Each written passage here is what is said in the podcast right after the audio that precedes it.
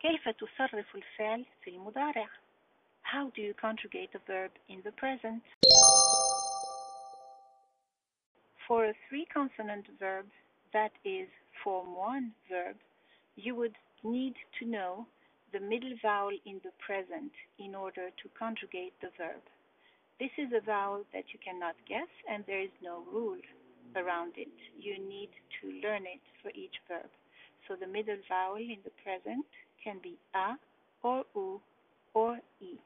لتصريف الفعل الثلاثي في المضارع يجب أن تعرف ما هي حركة الحرف الأوسط لكل فعل وليس هناك قاعدة يجب أن تتعلم هذه الحركة لكل فعل على حدة وقد تكون الحركة ضمة أو فتحة أ أو كسرة إي So for example, for درس you will say يدرس in the present U on the middle consonant. For عمل you will say يعمل A on the middle consonant. And for جلس you will say يجلس E on the middle consonant. فمثلا الفعل درس في الماضي يصبح يدرس في المضارع ضمة في الوسط الفعل عمل يصبح يعمل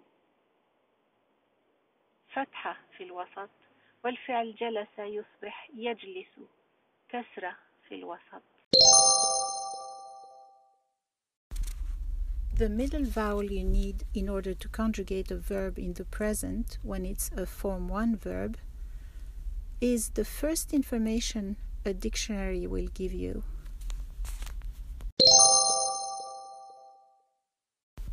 الحركة الوسطى التي تحتاجها لتصريف الفعل الثلاثي في المضارع هي أول معلومة يعطيك إياها القاموس.